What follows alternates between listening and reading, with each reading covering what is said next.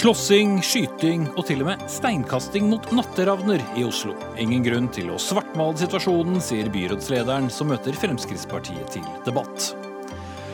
I morgen markeres arbeidernes dag over hele landet, men hva er arbeidernes parti? Sylvi Listhaug og Hadia Tajik vil begge gjerne ha omsorgen.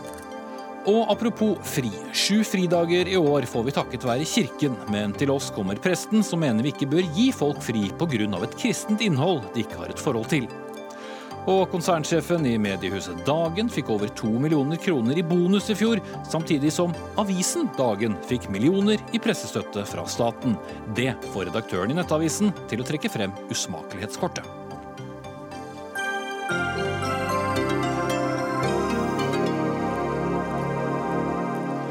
Dette er deler av menyen her i Dagsnytt 18 på denne inneklemte dagen. Jeg heter eh, Espen Aas. Norges eh, hovedstad byr på så makt. Den byr på museer, sjø, shopping, men også tilfeller av skyting, steinkasting og maskerte ungdommer som truer natteravnene.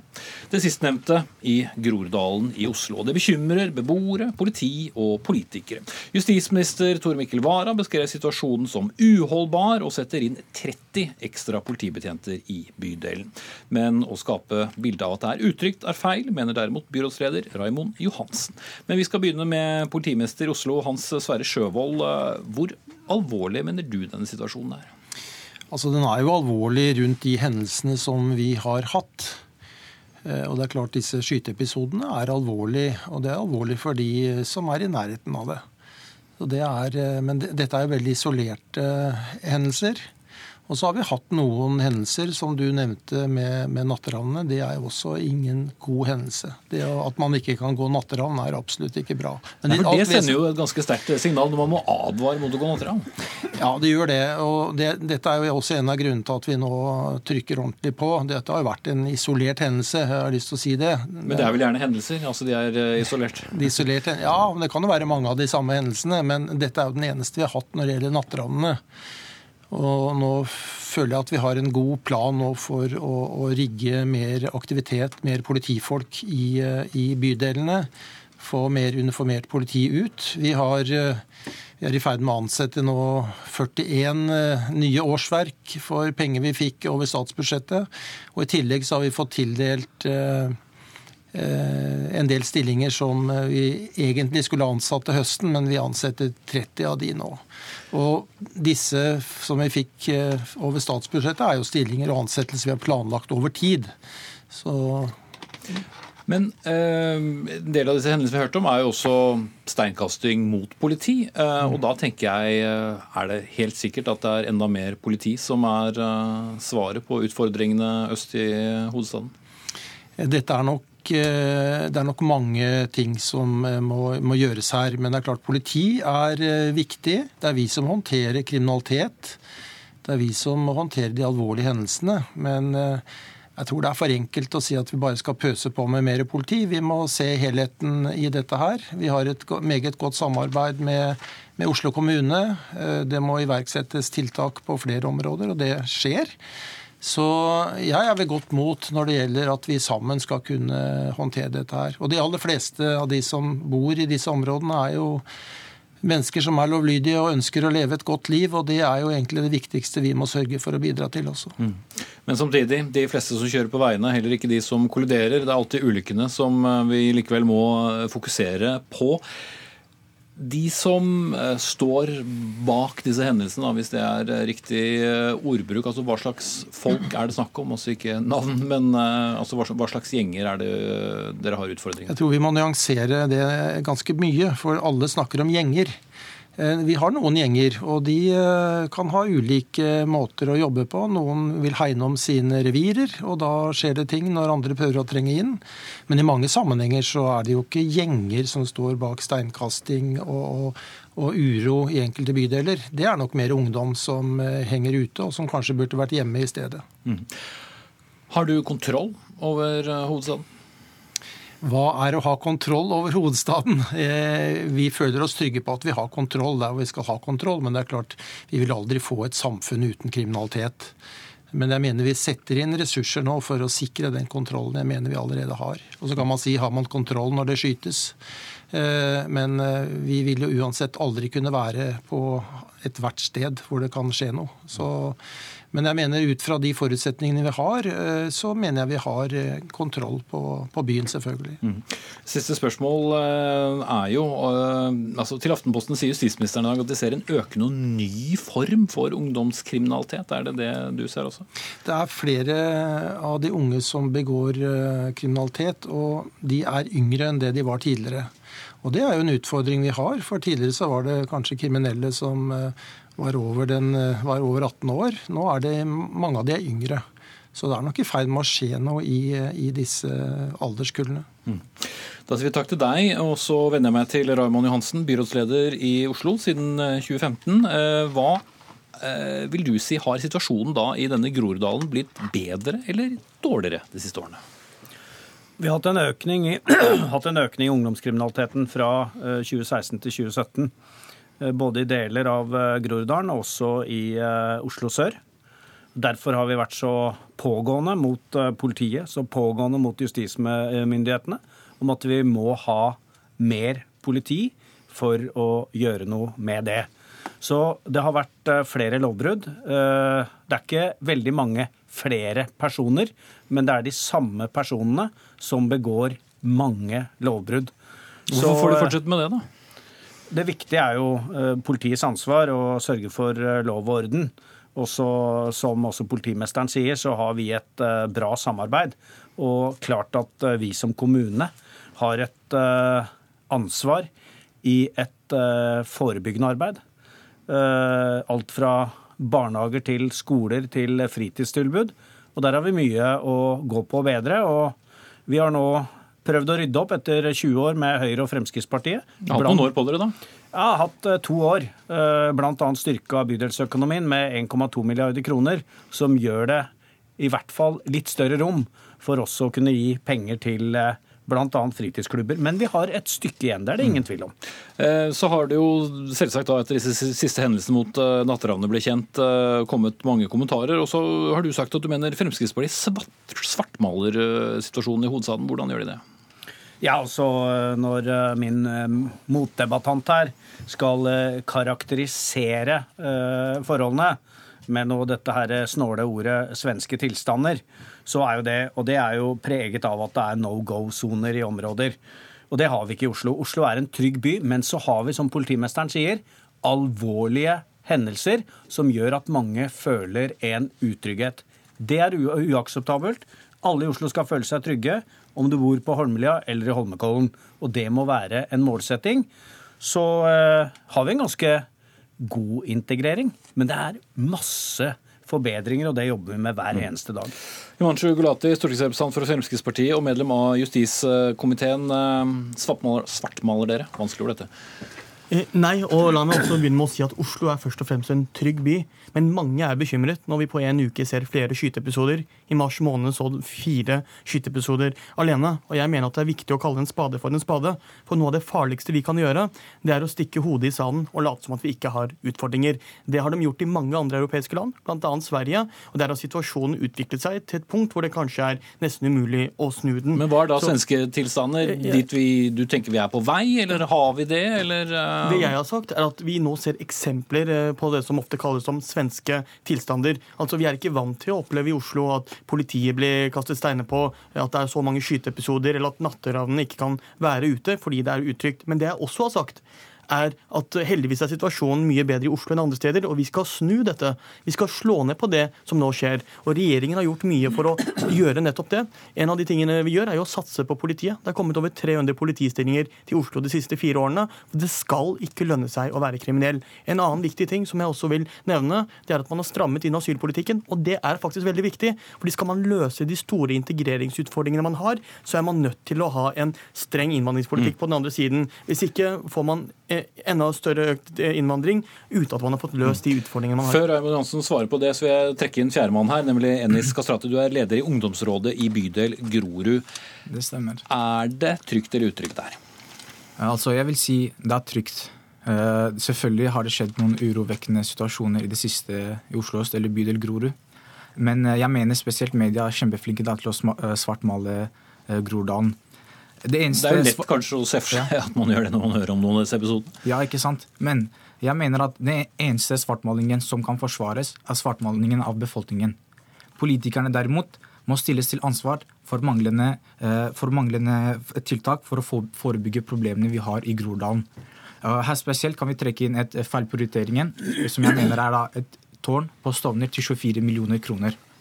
Istedenfor å bygge et fritidsklubb som ungdommen skriker etter på Stovner og Vestli, så velger de heller da å bruke pengene på et, eh, et turistattraksjon. Eh, slik situasjonen er nå, så mener jeg vi må jobbe aggressivt på to fronter.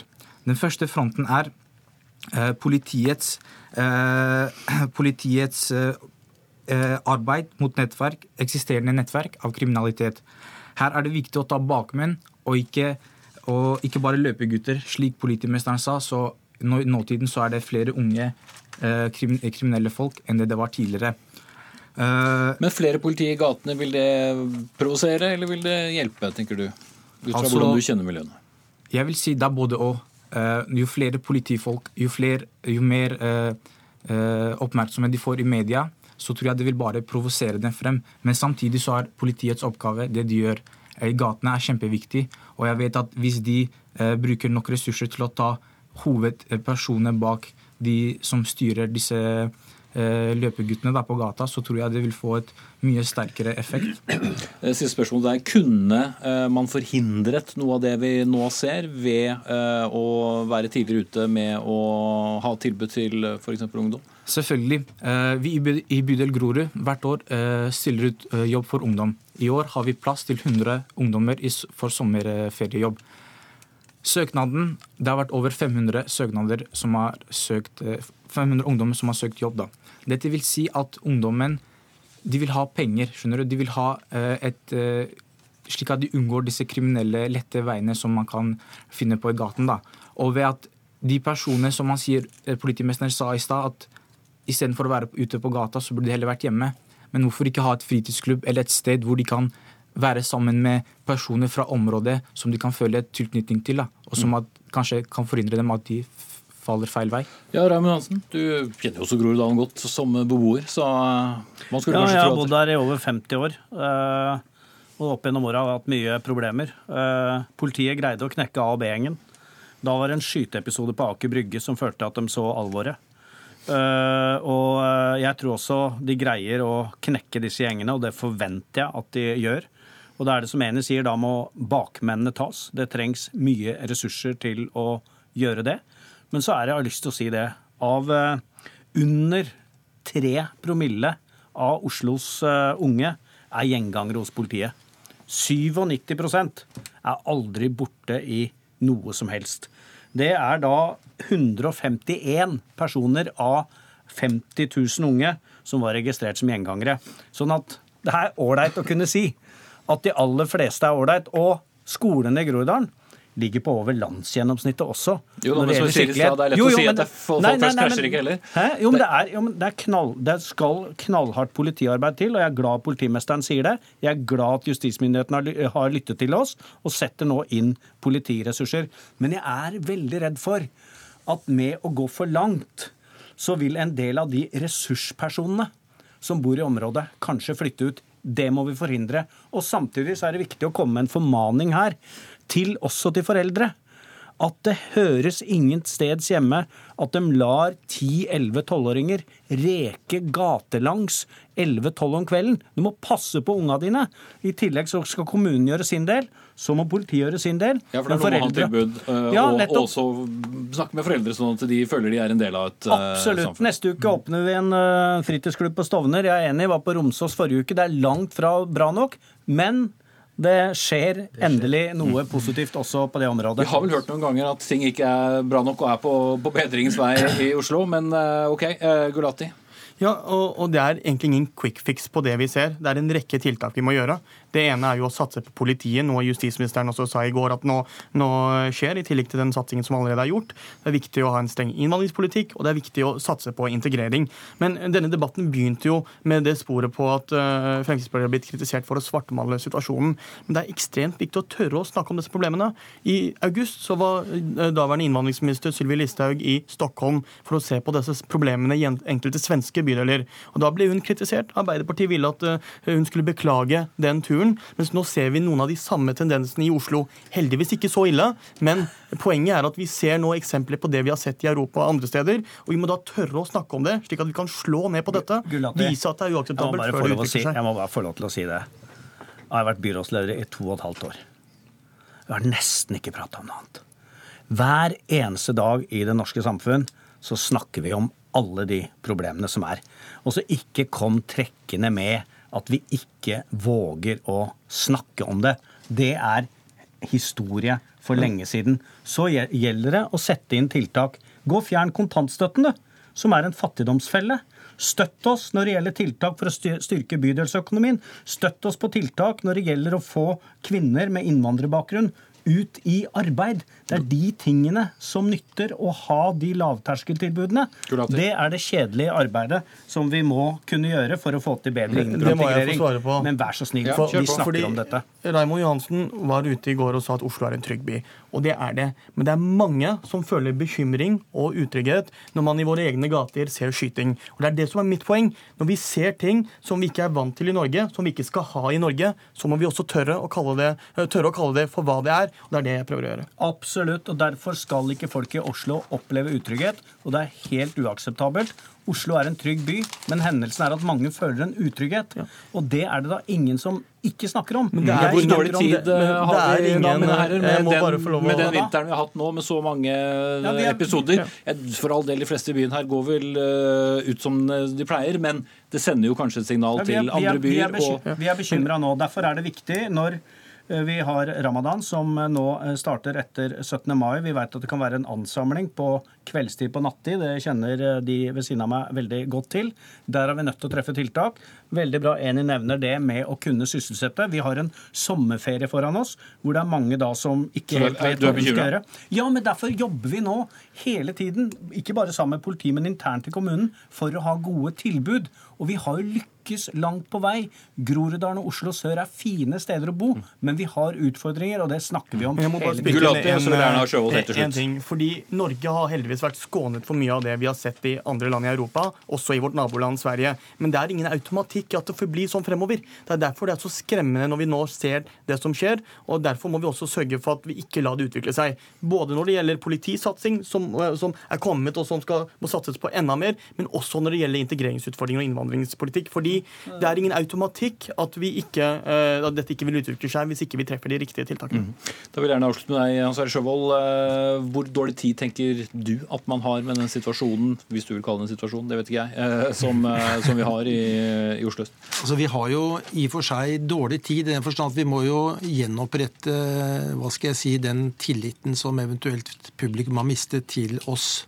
Samtidig så må vi jobbe langsiktig. Altså Når vi nå ønsker ønsker å bemanne opp i de ulike bydelene, altså er det at vi står der med mannskaper hele tiden. Vi må skape kontakt til eh, publikum. De må stole på oss.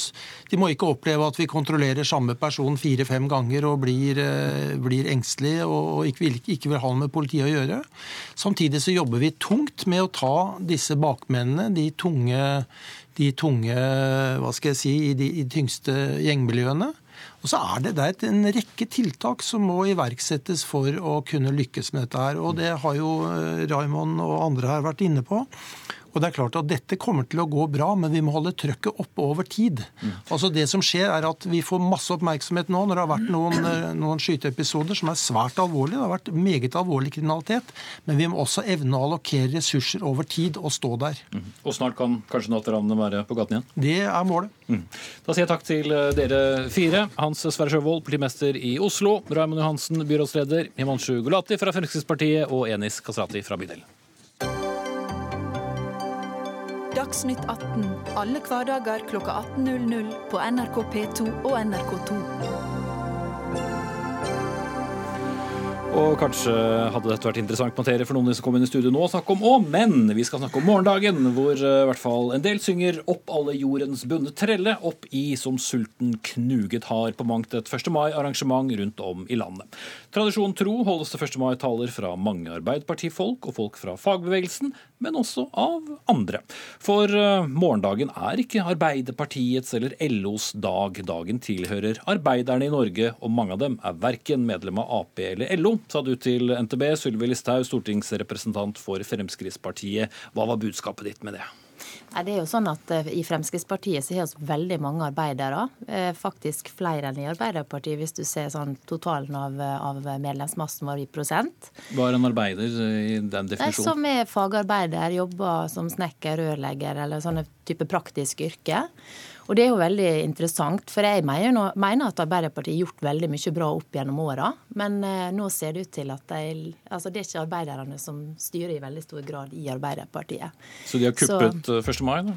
Ja, Sånn har det vært i veldig mange år, at man LO og Arbeiderpartiet eh, tror at det er deres dag, men det er ikke det, det er arbeiderne i Norge sin eh, dag. For mange en fridag, men eh, som er vel verdt å markere. Hadia Tajik, stortingsrepresentant og nestleder i Arbeiderpartiet. Hvor mange arbeiderne føler du at dere representerer i 2018? Vi representerer arbeiderne. Vi er arbeidstakerne sitt parti, og vi representerer deres interesser på Stortinget. Og til syvende og sist er det jo òg det det handler om. fordi hvis man ser på hvor Fremskrittspartiet har plassert seg politisk, så har de gjennomgående havnet på feil side i spørsmålet om arbeidstakerne sine rettigheter. Det gjelder både når vi ser historisk på det, altså grunnleggeren deres, Anders Lange, han pleide å mobilisere mot eh, arbeid, arbeiderne sine demonstrasjoner, han organiserte streikebryteri, mens våre Men det er jo 40 år grunnleggere da. Ja. Uh, og våre grunnleggere og forfedre kjempa for arbeidstakerne sine rettigheter. Som du sier, det er 40 år siden. Hva er det som skjer nå? Vi ser jo at de gjør fortsatt det samme. Altså, Når det er snakk om fagforeningsfradraget, så ønsker vi å doble det, mens de har eh, kutta det. Når det gjelder f.eks. pendlerfradraget, så har de kutta det. Når det gjelder sluttvederlaget, som er viktig for ganske mange lønnsmottakere, så har de innført skatt på det. Og gjennomgående så har Fremskrittspartiet i regjering prioritert rikfolk framfor arbeidsfolk. Det ser vi jo også på skattepolitikken, når de har gitt uh, rikfolk 100 okay, ganger mer i skattekutt enn eh, de eh, mest lange, kjente ja, låglønte. Eh, Sylvi Listhaug, uh, hva føler du at du og ditt parti har gjort for arbeiderne siden dere kom i regjering i 2013? Vi prioriterer jo alle arbeidere, enten de er altså inne inn, i LO eller andre arbeidstakerorganisasjoner eller ikke. Nettopp ved å sette ned skattene med så langt over 20 milliard kroner. Det er også kommet helt vanlige arbeidere til gode. Og også de som eier bedriftene som mange av disse her er jobba i. Og Hvis vi ser på Arbeiderpartiet, så gikk de til valg på å øke skattene. Det var på nasjonalt nivå. Det som vi har sett også på lokalt nivå, er jo det at eh, eiendomsskatten popper opp i stadig flere kommuner. I Oslo her har sitter nå så håver det en milliardbeløp.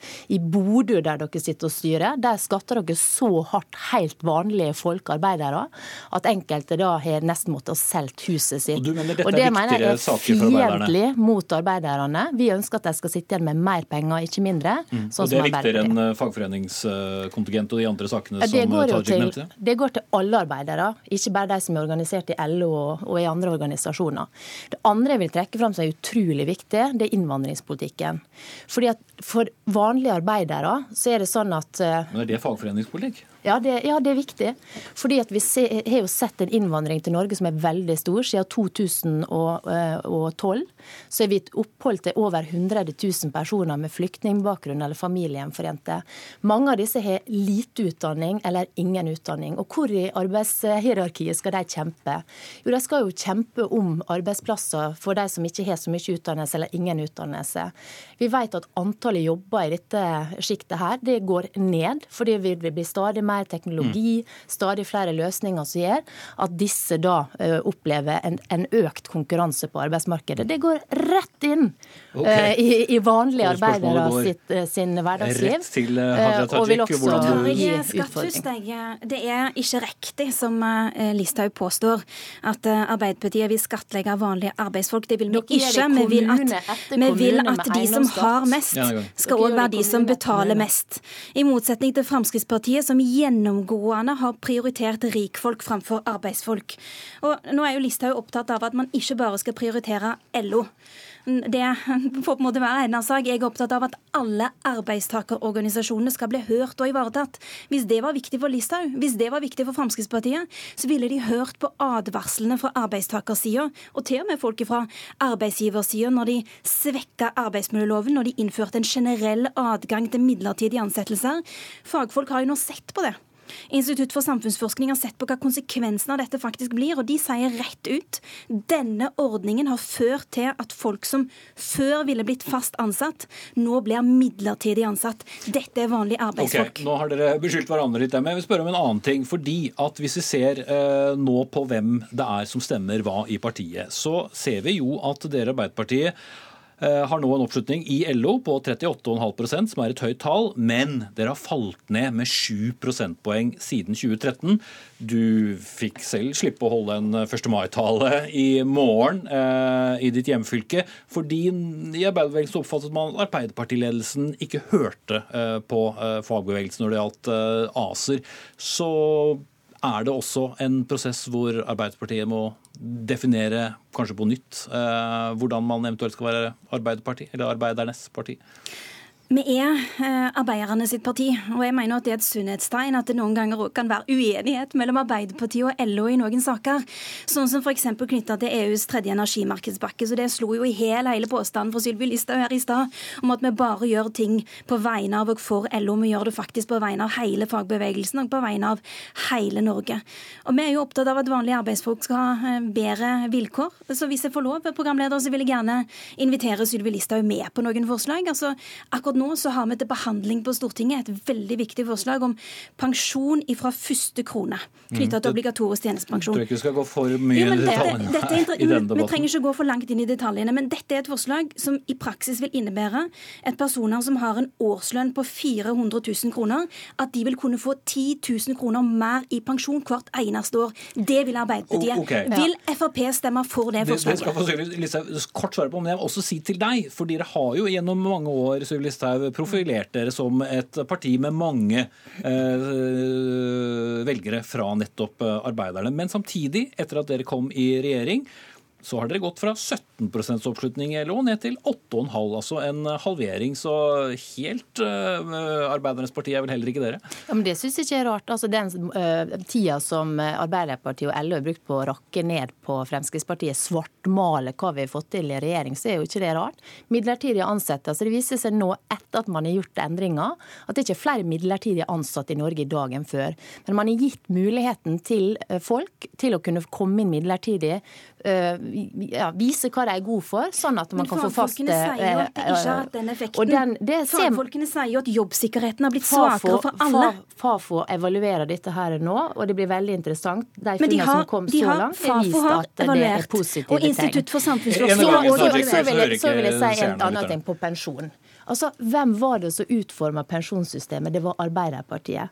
Fremskrittspartiet stemte imot i sin, gang, eh, sin tid. Det at dere kommer trekkende nå med et forslag som koster 3 milliarder kroner, er intet annet enn populisme.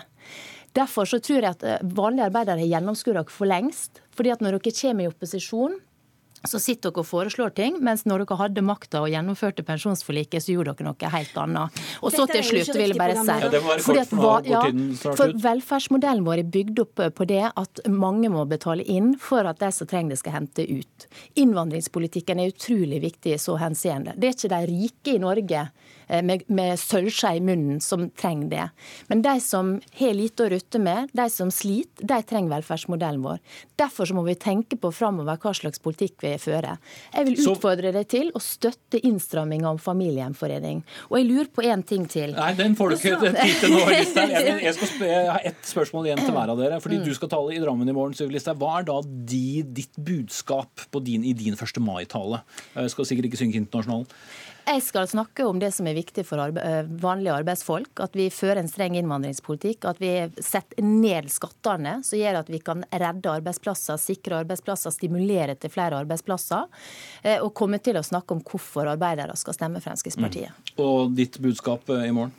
Altså Det er de enkle tingene som er viktige. Å ha en eh, jobb å gå til. En jobb som er trygg, der du blir behandla på en skikkelig måte.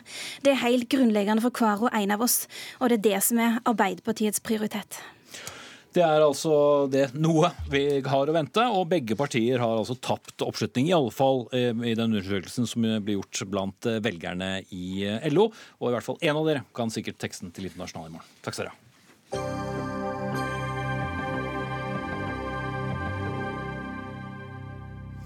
Og mens eh, mange belager seg på en dag i morgen med altså enten markering av arbeidernes dag, kanskje skal det handle om båtbuss, hagerydding eller hva de nå måtte velge, så skal vi diskutere nettopp fridager her i Dagsnytt 18. For i tillegg til de årlige ferieukene, så har vi i Norge også i år sju kirkelige helligdager. Pinse, påske, jul og på Kristi himmelfartsdag, som kommer litt senere. Men hvorfor har vi fri f.eks. andre pinsedag eller andre påskedag? Det er det ikke så mange som vet. Og det er nettopp eh, derfor du mener at disse høytidsdagene ikke lenger bør være forbeholdt den kristne tradisjonen, prest eh, Per Anders eh, Nordengen. Hvorfor ikke? Altså, Min hensikt er ikke å ta bort fridager, ikke å ta bort helligdager, men min hensikt er å sette i gang en liten samtale i et samfunn som etter hvert har blitt mer etterkristent, hvor folk har mindre forhold til kirke, til gudstjenester. Og definisjonen på en gudstjeneste eller en helligdag, ifølge Store norske leksikon, det er at det er en dag som er reservert for gudstjenestehandling. Og da tenker jeg at da er det på tide kanskje at vi setter i gang en, samtale nå, en refleksjon. Hvorfor kaller vi så mange av våre fridager nettopp for kirkelige dager, når folk har et mindre forhold til det? For det er først og fremst fridager? For folk flest så er det fridager, og det er jo interessant når du hører anketer i radio, jeg leser aviser, hvorfor feirer vi pinse, hvorfor feirer vi Kristi himmelfartsdag, at folk har ikke et forhold til det. Og jeg ønsker bare å sette i gang en liten samtale rundt omkring hva er det egentlig som ligger i disse dagenes intensjon. For det er ikke tvil om at det er kjærkomne fridager, og jeg er ikke imot at vi skal ha fridager. Men jeg tenker litt på innholdet i de dagene. Men mange vil kanskje synes det er rart at uh, en som kan titulere seg som prest, uh, ikke vil uh, eh, f.eks. da at vi skal kalle det andre pinsedag eller andre påskedag? Ja, og jeg da, egentlig burde kanskje utgangspunktet for denne samtalen burde ha kommet kanskje fra Humanitisk Forbund, Fagforbundet, fra mm. departementet. Men jeg syns at Kirken på en måte, ved at vi kanskje, eller jeg våger å berøre dette nå, er at vi kanskje sier at nå tar vi konsekvensen av at statskirke har skilt lag, at folk oppsøker kirke mye mindre, og alt det som har vært i det siste om forhold til kirken. Og da er dette en måte kanskje å si at vi tar konsekvensen av det. Og okay. Vi skal vende oss til Bergen nå. og Bjarte Ystebø, assisterende redaktør i avisen Norge i dag.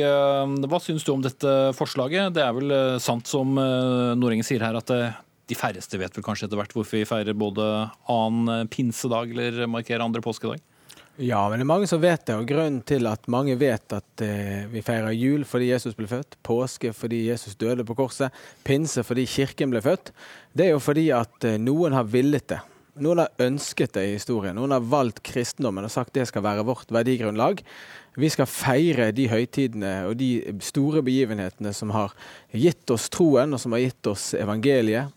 Eh, og, og, derfor eh, er det mange som kjenner disse høytidene.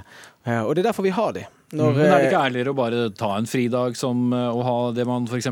kaller en bank holiday i Storbritannia og, og, USA, og så kan de som vil bruke den til kirke gjøre det, og så kan de andre rydde i hagen eller hva som måtte behage. Jo da, men det er jo det som skjer. Det er jo ingen plikt å, å feire jul i, i kirken.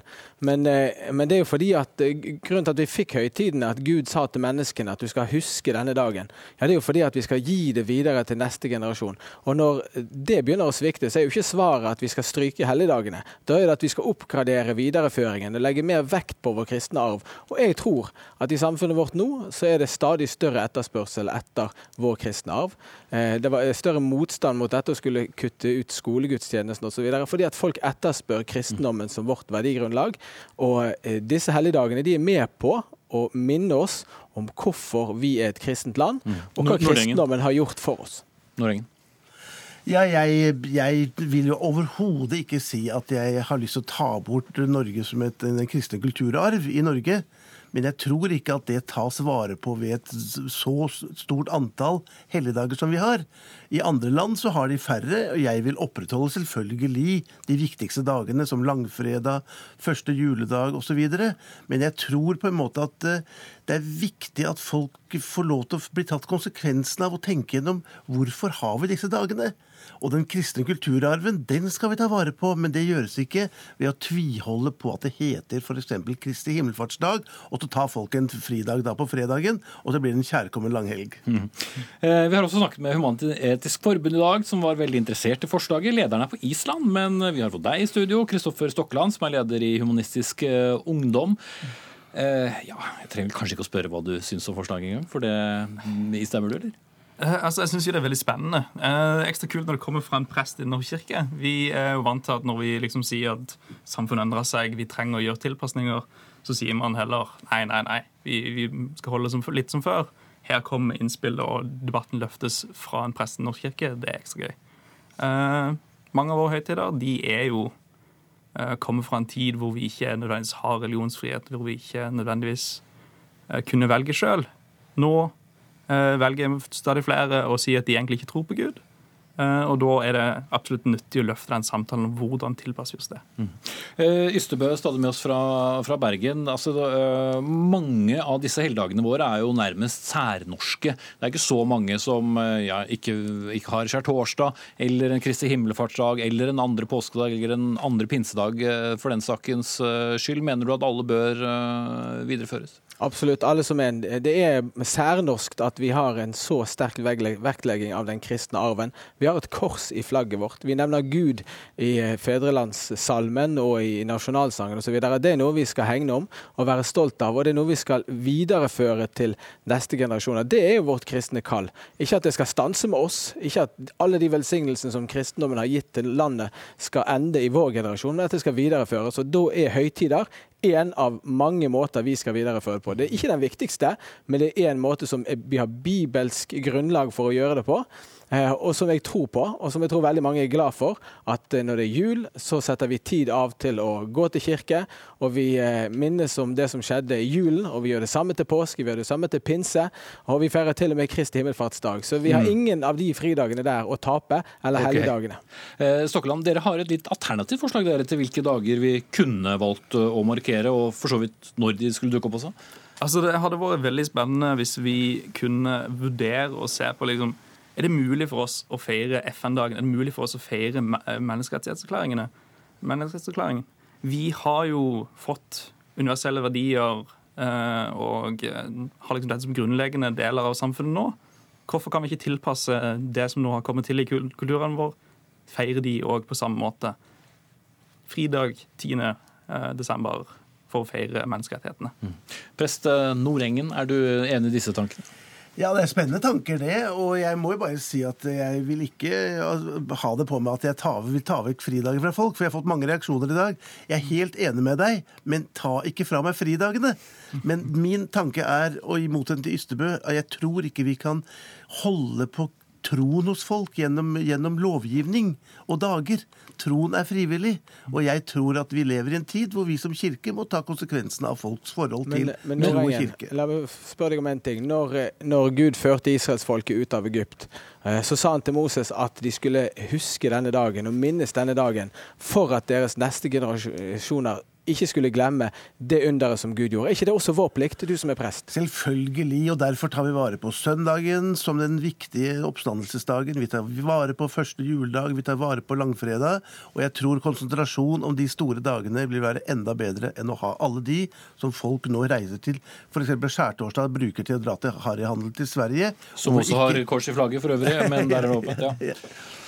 Ehm, jeg skal slippe til eh, deg igjen også, Stokkeland, før jeg vil tilbake til Stubø. Ja. Altså, det er jo Kirken som skal huske disse dagene. Det er jo ikke nødvendigvis det norske folket. Det norske folket trenger fridagen sin. De trenger å kunne slappe av med venner, ha gode minner sammen med familie. Det er ikke de som skal huske disse hvis ikke de er kristne sjøl og ønsker det. Mm. Men hvor stor fallitterklæring vil du anse det som da, Ystebø, stadig assisterende redaktør i avisen Norge i dag, hvis f.eks. det ikke var noen annen påskedag, men det ble til en, en fridag som, eh, ja, som nå da blir lagt til, til, nærmeste helg, men også Kristi himmelfartsdag, kunne man jo sett for seg kunne blitt en, en bevegelig maifridag, som det er i mange andre kristne og europeiske land? Jeg tror ikke det er et salighetsspørsmål verken for oss som individer eller som nasjon at vi feirer alle disse dagene. Eh, men jeg tror at det er et press mot kristendommen, og de kommer ikke fra folket, det kommer fra elitene.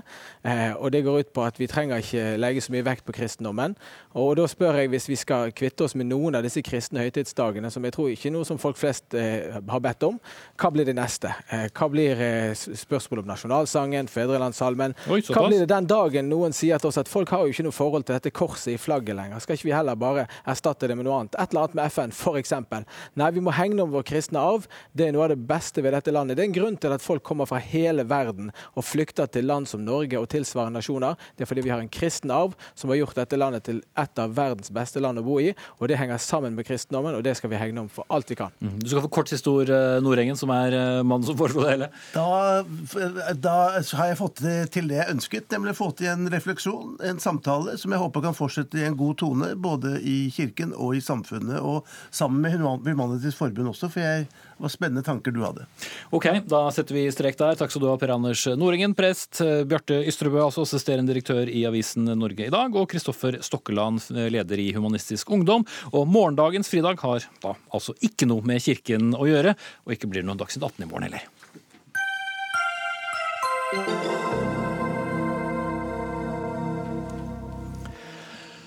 Konsernsjefen i mediehuset Dagen AS fikk over to millioner kroner i bonus i fjor. Samtidig mottok konsernet mange millioner kroner i direkte pressestøtte over eh, statsbudsjettet, som da går til selve avisen Dagen. Ifølge Bergens Tidende fikk Geir Morten Nilsen en million bonus på toppen av en årslønn på 1,1 millioner kroner og andre godtgjørelser på nærmere 80. Og Gunnar Stavrum, eh, du er ansvarlig redaktør i Nettavisen og har kalt dette for umusikalsk falsk. Hvorfor er det det? Jeg syns det er direkte usmakelig. Når, det, når den driften du, som er hoveddriften din, nemlig å drive en avis, går så dårlig at du må få 15 millioner kroner av våre penger hvert år for å holde det flytende, da kan du ikke på toppen av en millionlønn dele ut 2,3 millioner kroner i bonus til en konsernsjef som bare gjør jobben sin. Eh, og som vi vet, så har jo eh, særlig din avis, eh, Nettavisen, hatt et lite korstog mot nettopp pressestøtte. Og dette er ikke slik du mener den skal brukes? Jeg syns det er helt vilt at et fåtall aviser, Dagen er en av de, en håndfull aviser, mottar titalls millioner kroner i pressestøtte. Mens mange lokalaviser i Norge, som jeg syns er helt greit for pressestøtte, de må klare seg med noen få hundre tusen. Der er det snakk om dårlig lønn og hardt arbeid, og ingen av de ville drømt om å gitt en konsernsjef 2,3 millioner i bonus. Mm. Eh, du skal snart møte motdebattant, men for å spare ham for én ting, og det er jo at pressestøtten går jo da til avisen og ikke til eh, konsernregnskapet direkte. Er det ikke et skille her? Eh, jo, men vi har sett eh, for så vidt deres kristne kollega Vårt Land, som også er av et konsern, hvordan pengestrømmen fungerer internt i et konsern som driver, som driver med pressestøtte. Også der for øvrig med gullkanta bonuser til, til, konsernsjefen. Så det er nok noe som går i disse selskapene, at man er litt, litt rundhånda. Ok, Vi skal la Vårt Land uh, ligge, for de er ikke til stede. Men Nils Arnt Lines, du er styreleder i mediehuset Dagen AS og har forsvart denne millionbonusen. Hvorfor er den fortjent? Jo da, vi tok på oss et veldig stort prosjekt. Komplisert prosjekt. Det er basert på nettet, nettbasert forretningsutvikling. Og det krever både kapital og kompetanse. Og vi, vi, har jo kreative folk som kom i gang med det som en gründerprosjekt. Og utvikla det til å bli en stor suksess. Og Underveis så fikk vi også med oss Skipsted, som da sørga for å tilføre nødvendig kapital. For det, det har jo vist seg selvfølgelig fra mange hold at uh, nettbasert forretningsutvikling er en meget krevende vei å gå og ikke minst kapitalkrevende. Men, men ser du det som Stavrum sier, at det ser litt umusikalsk ut? Og når man får mange millioner i pressestøtte for å, å, drive avis, så skal det også betales ut eh, tilsvarende, eller ikke tilsvarende, men også høybeløp i, eh, i bonus? Det med musikalitet kan vel kanskje diskuteres, da, men, men men jeg hører Stavrum er jo helt imot pressestøtte.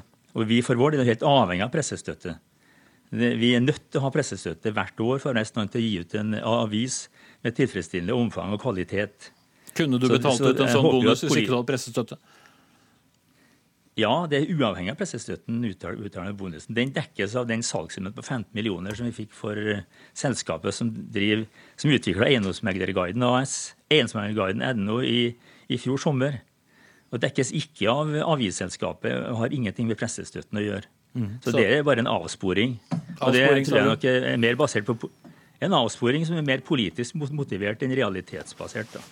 I dette, det vil jeg bare Jeg helt, Det vil jeg bare helt eh, klart eh, avvise. Altså, dette er jo eh, et konsern som har begrensa med midler. Eh, og en skulle trodd at de, når de får over 15 millioner kroner fra staten for å drive en avis, at de faktisk satte så mye penger de kunne inn for å få den avisen til å bli bra og gå med overskudd.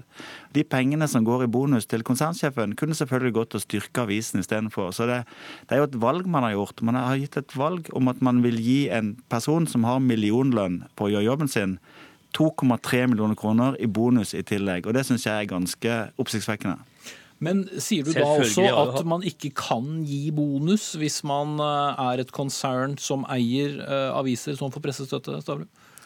Jeg syns at, eh, at det bør være en viss musikalitet. Jeg har ikke noe imot bonusordninger, det syns jeg er helt greit. Men jeg syns at når du er så avhengig av pressestøtten som dette konsernet er, så er det ikke særlig musikalsk. Jeg tror nok at mediepolitikere på Stortinget merker seg hvor god råd man har i den ene enden, eh, når man absolutt trenger pengene i den andre enden. Linnes?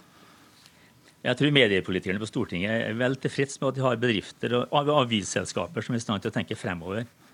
Og Det er det som er poenget vårt. Du, vet, du har vel sikkert hørt det gamle ordtaket når, når tiderne bliver pinaktige, er kunsten kontanter at besidde. Og i, og med at vi har stramme vilkår for avgiftsdriften, så må vi skaffe kapital gjennom annen virksomhet. Og det, Jeg kan nevne et eksempel. Vi, vi hadde fremsynte folk som kjøpte ned eiendommer i Vågen i begynnelsen av 90-tallet. Det gjorde at vi bygde opp betydelig god kapital i løpet av 90-åra.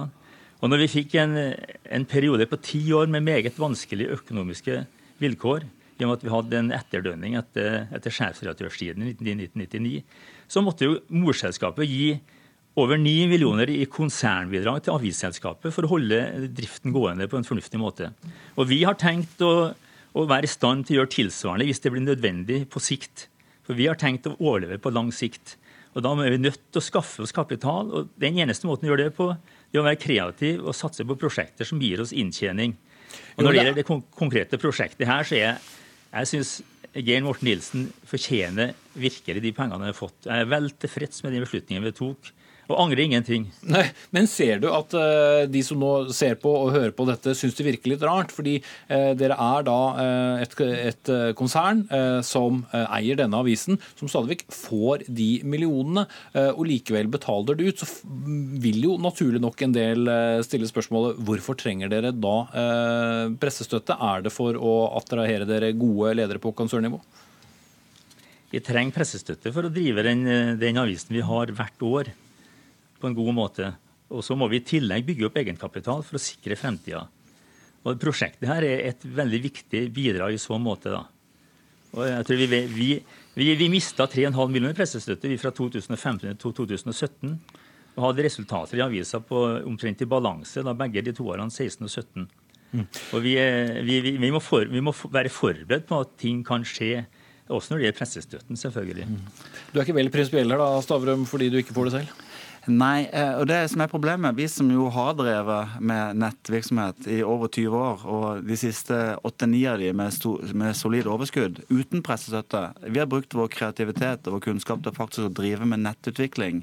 Og det, det er på en måte mitt poeng også, at disse selskapene som mottar så enormt mye pressestøtte, det blir på en måte en slags eh, en slags eh, økonomisk doping som gjør at de slipper å utvikle kjernebedriftene sine. Eh, Og så syns jeg det er litt pussig at hvis dette selskapet som det er snakk om her, var så viktig for framtiden, så, så har de jo solgt det nå. Så det er jo ikke de som eier det, det er jo Schibsted som eier det. Men det er jo andre ja, har solgt- vi strø- har større aviser enn dagen som, med- eh, med- får aviser, nei, som får pressestøtte, Starud. Hva sa du? Det er jo langt større aviser for så vidt enn en denne avisen som får eh, støtte.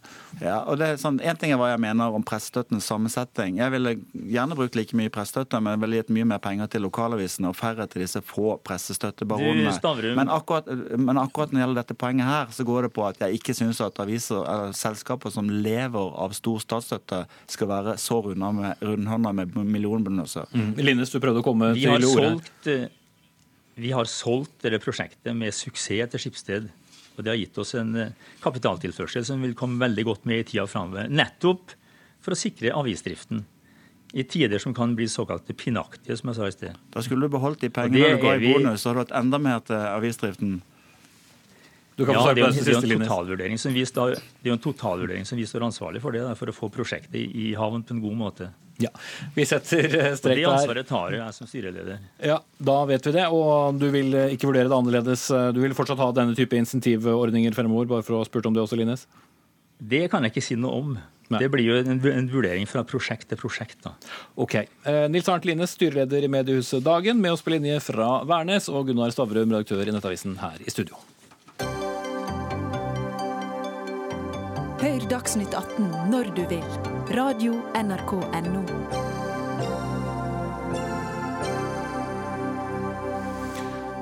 Og etter å ha snakket om eh, pressens forskjellige kår, skal vi bevege oss tilbake til primærnæringene. For eh, mens regjeringens landbrukspolitikk vil kutte antall kvoteregioner, som det heter, og øke sentralisering, går Arbeiderpartiet andre vei. Selvforsyning, klimatilpasning og naturutnyttelse av de små gårdene er blant det som det satses på i Arbeiderpartiets nye opptrappingsplan for jordbruket. Resirkulering av gammel politikk, sa du om denne planen til Nasjonen for noen dager siden. Morten Ørsal Johansen, som er stortingsrepresentant og landbrukspolitisk talsperson fra Fremskrittspartiet. Eh, Hva mente du med det? Nei, Det er jo nettopp det der. Jeg ser ingenting nytt der. De eh, har akkurat de samme tiltakene som de hadde når de satt i regjering sjøl. Da sjølforsyningsgraden gikk ned, da det var underproduksjon av alle kjøtt, eh, kjøttdyra våre. Det var Kornarealet gikk ned, beitearealet gikk ned, grasarealet gikk ned. Og de tiltakene de nå skal gjennomføre, er akkurat den samme politikken som de eh, prøvde med de åra, og som ikke fungerte. Så de har altså tenkt å resirkulere noe som ikke fungerer, og vil bygge ned norsk landbruk. Og det er ganske imponerende. Resirkulering eh, kan jo være veldig bra, det. Nils eh, Kristen Sandtrøen, stortingsrepresentant og da landbrukspolitisk talsperson fra Arbeiderpartiet. Men er det fremtidsrettet? Dette er absolutt fremtidsretta, og det er veldig offensivt. Og ikke minst så er det en optimistisk plan. Og Det er da det går tydelig fram at eh, Fremskrittspartiet ikke har eh, lest planen vår i Arbeiderpartiet. fordi som du var inne på innledningsvis, så er det nettopp en eh, praktisk plan for å sørge for at vi har den laveste antibiotikabruken i verden. At vi er klar for å ruste oss til et våtere klima med mer nedbør. Vi ser at det er mange matprodusenter som trenger å ruste opp jorda si med grøfting og drenering, og det vil vi legge til rette, sånn at de kan sette i gang det arbeidet som er nødvendig for at vi kan produsere mer korn i Norge, fôr av topp kvalitet til dyra våre, og enda mer norske grønnsaker, frukt og bær. Så dette er en praktisk plan som vil sørge for at sjølforsyninga går opp. Som Ørsal Johansen sier han har sett før.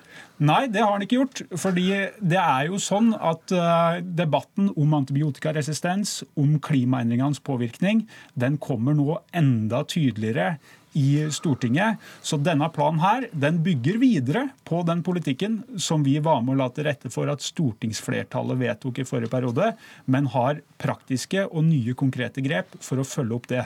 Så eh, det er Jeg, jeg, jeg blir litt imponert, uh, egentlig. For uh, det med antibiotikaresistens og, og, og, og- og det, det er viktig. Og det er viktig. Og det er riktig at vi har uh, det laveste antibiotikabruket i verden i Norge i husdyrproduksjon. Og det skal vi være stolte av, og det har vi klart å fortsette med.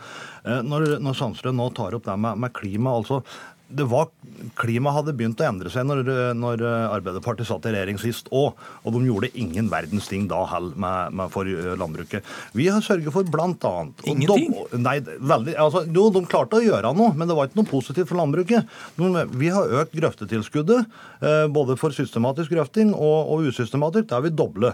Eh, Vi har sørget da for at det er mulig for bøndene å tilpasse seg. Eh, Men så er det òg sånn at eh, Klimaet har endret seg, og det er stadig endringer i, i vær. Og dette er bøndene gode på.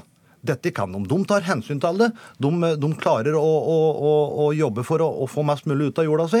Og jeg, og, og, jeg, og jeg tror faktisk, da, for å være helt ærlig, at bøndene er mye bedre på dette enn det Sandstrøen Arbeiderpartiet er. Ja, Så han har feil medisinering, da? eller? Ja, jeg mener de har feil medisinering. Altså, som sagt, jeg sier Vi har økt, eh, økt bl.a. grøftetilskuddet og prøvd å legge til rette for at, eh, at og det med nydyrking. Eh, Jeg ser ingenting Så for å lede vann bort fra jordbruksarealet? Men her formoder jeg jeg, jeg, jeg ser ingenting nytt i det som Arbeiderpartiet gjør. To ting på en gang. For det første så kritiserer de oss i Arbeiderpartiet for å ha en offensiv og optimistisk Ja, plan for hva vi kan få til. Nå er det jeg som har ordet. det er det er skjer eh, ingenting. Sandtrøen først. Og Da er poenget som følge at vi ser at det er store behov. For å ta to eksempler. I vinter så hadde NRK en sak om en gårdbruker på Vestlandet som nå opplever at det er så mye vann ute på jordene sine, så avlingene blir utrolig små, og han mangler fôr til dyra sine. Vi har eksempler fra gulrotprodusenter som ikke klarer å få ut avlingene sine og kommer utpå med traktoren fordi det blir for bløtt, rett og slett. Og vi vet at det er et godt stykke arbeid som skal til for å grøfte og drenere. Og den kapasiteten innafor entreprenørvirksomhet har vi ikke i Norge i dag. Så vi har her virkemidler som gjør at vi kan trappe opp arbeid som skal til. Og det er da jeg stusser over eh, eh, kritikken. fordi nå har det jo kommet veldig mye optimistiske tilbakemeldinger jo, men på det, det er planen fint, vår. men bare stopp et lite hakk der. fordi det du sier er jo, Du forteller da om en, en bonde som opplever eh, noe på, på sine egne Det er jorder. Så sier da Morten Ørsal Johansen at eh, ja, da klarer vel bonden også å finne ut hva han skal gjøre. Så hva er det Arbeiderpartiet trenger å gjøre som ikke bonden klarer å gjøre selv, når det gjelder f.eks. å drenere eller ta grep, bare for å forklare det veldig praktisk? Veldig praktisk så er det som du er inne på nå, at det blir jo et samspill mellom gårdbrukerne og oss som eh, bevilger og bestemmer hvordan eh, investeringene skal brukes. Og Det er da vi sier at de helt konkrete, langsiktige og praktiske grepa for å forbedre naturressursene våre sine evner til å produsere nok og trygg mat i Norge, det kommer vi til å sette i høysetet de neste åra. De har da- økt subsidier, da? eller hva? ja, Det er jo som Morten allerede var inne på her i stad. Det finnes jo allerede en ordning. Men den ordninga er såpass svak i dag sånn at det utløser ikke nok arbeid for å sette oss i stand til å øke selvforsyninga. Og da må jeg bare påpeke én ting til. For det har kommet mye ulik kritikk fra Frp til Arbeiderpartiet sin plan. Og hovedmålet vårt det er jo å øke produksjonen av korn. Av fôr med topp kvalitet i dyra våre, som vi vet Sving mang mikrofonen litt, Mette. mangler i dag. Og da sier vi at vi vet at vi har muligheten til å produsere mer og bedre. Og folk rundt omkring i Norge tar imot det budskapet her med okay. optimisme og positivt engasjement, Morten mens Frp kritiserer. Ja, ja, igjen, jeg blir imponert. Altså, det, det er akkurat det samme, uh, mye av det som føres i dag til politikk, og, og litt det samme som da Arbeiderpartiet da førte når de satt i regjering. Da kornarealet ble redusert med 13% I de åra de satt med, uh, satt med som makta, ble det redusert var kornarealet redusert med 13% Fra 2015 til 2016, bare den eh, vesle året, så økte det med 1% og det har økt hvert eneste år. Samme gjelder med dyr, det samme gjelder med beitebruk, det samme gjelder med, med, med grasproduksjon. Hvert eneste, hvert eneste år som de satt med makta, så ble det redusert. De klarte ikke engang å sørge for at vi hadde nok sauekjøtt i Norge. Det gikk ned og ned og ned og ned. Nei, men nå har du sittet med, det det, det eneste- sittet med makten i det fem år, det og til eneste- landbruksministeren. Det eneste positive vi kan si de øh, gjør, det er å gjenta det vi gjør, nemlig å sørge for at, øh, at det gis tilskudd til grøfting.